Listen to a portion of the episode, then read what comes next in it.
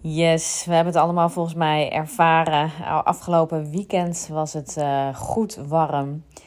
En um, ik was thuis met de kindjes. Um, manlief zat op Oerol op Terschelling met vrienden. Um, was heerlijk daar aan het genieten. En uh, nou ja, de afgelopen dagen en nog overigens Gelukkig komt hij vanavond laat thuis. Dan kan ik weer wat taken uh, delegeren. Um, maar uh, kwam het op mij neer en ik uh, heb met mezelf het afgelopen, uh, nou, vanaf dat hij weg is gegaan, um, met mezelf afgesproken: oké, ik ga het hoogst noodzakelijke doen. Dat is al genoeg overigens, want er moet toch gegeten worden, aangekleed. Nou, dat soort dingen. Um, en verder laat ik even de boel de boel. En ik heb er um, een prachtig boek bij gepakt. Het boek uh, wat al uh, weken, misschien wel maanden in de kast op mij aan het wachten uh, lag. Om gelezen te worden. Want het is geen businessboek. Het is ook geen um, liefdesverdiepingsboek of een theoretisch boek. Waar ik ook erg uh, groot fan van ben. Om gewoon mijn uh, lectuur op orde te houden en te weten wat er speelt. Maar dit, ditmaal was het een roman. En niet zomaar één, maar het eerste deel van De Zeven Zussen. Um, ik heb hem niet uit, maar ik ben wel een goed eind op weg. En ik weet niet of het nou het boek was, maar ik lag in de tuin. Of misschien was het de hitte, want het was uh, nou ja, rond die 30 graden afgelopen dagen en nog. Um, en onze kindjes waren heerlijk aan het spelen in de tuin met water. En uh, nou ja, de jongste die, um, een van de tweeling, het jongetje, kan zich heel goed zelf vermaken. Kan heel goed in. Uh, overigens, trouwens, mijn. Uh, de oudste, de andere jongen, kan dit ook. Maar hij is nu iets uh, groter. Dus uh, nu zoekt hij wat meer zijn vriendjes en zijn leeftijdsgenootjes op. Maar die Felipe, die is dus vijf. En die kan zich echt nou als je met rust laat, gewoon uren vermaken met zijn speeltjes en zijn poppetjes en zijn uh, nou ja, spulletjes. En daar bedenkt hij van alles mee. En dan zit hij onder een stoel of een tafeltje. Of, en dan is dat het kasteel, het paleis, uh, de ridders. Uh, er wordt, wordt wat afgevochten ook. Um, uh, en allemaal gaat het om sterker en niet sterker, winnen en niet, en nou ja, enzovoort. Maar ik zat dat, ik, ik heb gewoon mijn boek weggelegd, want ik vond het een prachtig schouwspel. En ik uh, dacht, nou ja, dat boek dat loopt niet weg, dit, dit is even zo'n moment. Dus ik heb daarnaar zitten kijken en, en zitten observeren. En ik, ik dacht echt, ja, dit, dit, dit verliezen wij als we uh, volwassen zijn. Hè. Gaandeweg zijn we ergens die magie van dat fantasiespel verloren en kwijtgeraakt. En het is niet helemaal verloren. Want um, als je het toelaat, en dat, ik liet dat zelf dus ook even toe in dat boek. Ik, ik kon me even helemaal erin verliezen. En ik, um, ja, misschien heb je dat zelf ook wel. Dat je dan dat boek eigenlijk het liefst continu wil lezen. Want je wil weten hoe het afloopt of wat er gebeurt.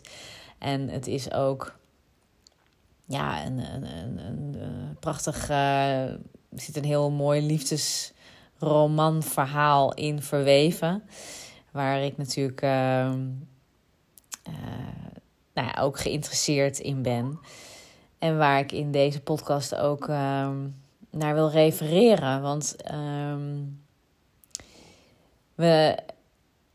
En, en ook dat, dat, hè, dat dus die sprookjes of dat fantasiespel en we verliezen het. We denken dat het niet bestaat en dat de realiteit keihard is. En die is ook absoluut af en toe echt heel hard en, ehm, en zwaar en pittig. Maar sprookjes bestaan wel. Die, die passievolle relatie, dat bestaat echt. En ook in jouw relatie. En natuurlijk, ik ga ook met jou in de eerste intake die we hebben, het eerste gesprek in, met jullie, uh, kijken: is het er? Was het er? Kan het, kan het nog terugkomen? En dat is uiteraard waar ik met jullie naar ga kijken. Um, maar waarschijnlijk denk jij nu van ja, dat, dat zal wel niet. Uh, het, het, het, zit er al jaren niet in. Het lukt me niet. En toch um, is het een bepaalde manier van kijken. Ik weet niet wat het precies is. Maar um, wat ik doe, is dat ik altijd kijk naar hetgene wat jullie bindt, wat er wel is. In plaats van wat er mist en wat, wat voor gebrek er is. En vanuit die invalshoek zie ik ook elke keer terugkomen in de gesprekken die ik heb met mijn stellen. En onlangs ook waarin ik een, een, uh, een dag op een uh, koppelretreat, uh, tweedaagse, mocht werken met een stel. Um, dat ze zo gaandeweg die dag, die, op die ene dag, um, elkaar echt met andere ogen gingen bekijken en bewonderen. En, en natuurlijk, als je dit doet en als je dat lukt en toelaat en ook je partner natuurlijk die eerlijke kans geeft. En want dat, dat is op een gegeven moment wat er gebeurt. Je gaat, ja, je gaat, je gaat je partner voor lief nemen. Je denkt, hij of zij um, is zo en ik moet daar gewoon mee leren leven. En dan ga je ook niet meer aangeven wat je belangrijk vindt, bijvoorbeeld. Je, je laat dat links liggen. Je hebt het misschien al honderd keer geprobeerd. Ja, inderdaad, die 101ste keer, dat zal ook niet heel veel uitmaken. Maar wat nou als je het anders gaat doen? Hè? En natuurlijk, ik kan ook niet nu iets aanreiken van dit is dus wat je te doen hebt, want elk stijl is ook weer anders. Um, maar de wil, het willen zien van dat sprookje, dat het bestaat, dat jij ook, jullie ook liefdevoller en passievoller en echt elkaar weer gaan leren zien.